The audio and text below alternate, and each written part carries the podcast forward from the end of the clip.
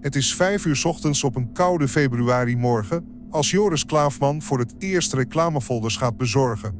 Hij schikt op van een vreemde mannenstem wanneer hij een oude vervallen flat binnenloopt. Wat is de boodschap van de week? Graai snoep. Paragnosie, opa sigaren, gaap senior, reisaap, op reis gaan, waar gaan we heen? De man zoekt houvast in de reclameuitingen van de buurtsuper. Je bent een drietrapsraket. Een straatprediker van het ergste soort. Je maakt me gek met je folders. Er is geen chocolade van te maken. En wat moet ik nu? Ik wil sturing en duidelijke orders. Geen half werk, begrijp je? Samen met het kassenmeisje Emily raakt Joris gefascineerd door deze man. Ik denk dat ik hem gesproken heb. Wie?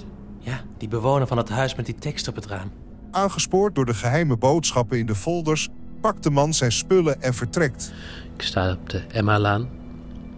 En ik eh, kom net uit de portiek. En eh, hij is weg. Joris blijkt echter meer te maken te hebben met de verdwijning. Je bent een moordenaar, Joris. Je bent een Kain. Wat staren jullie nou? Wortels zijn niet gemaakt om te lopen. Jullie strompelen. Maankalf.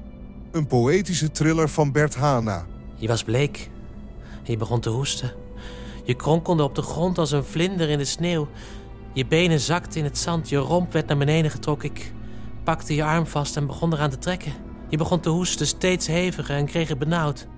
Toen verdween je in het zand.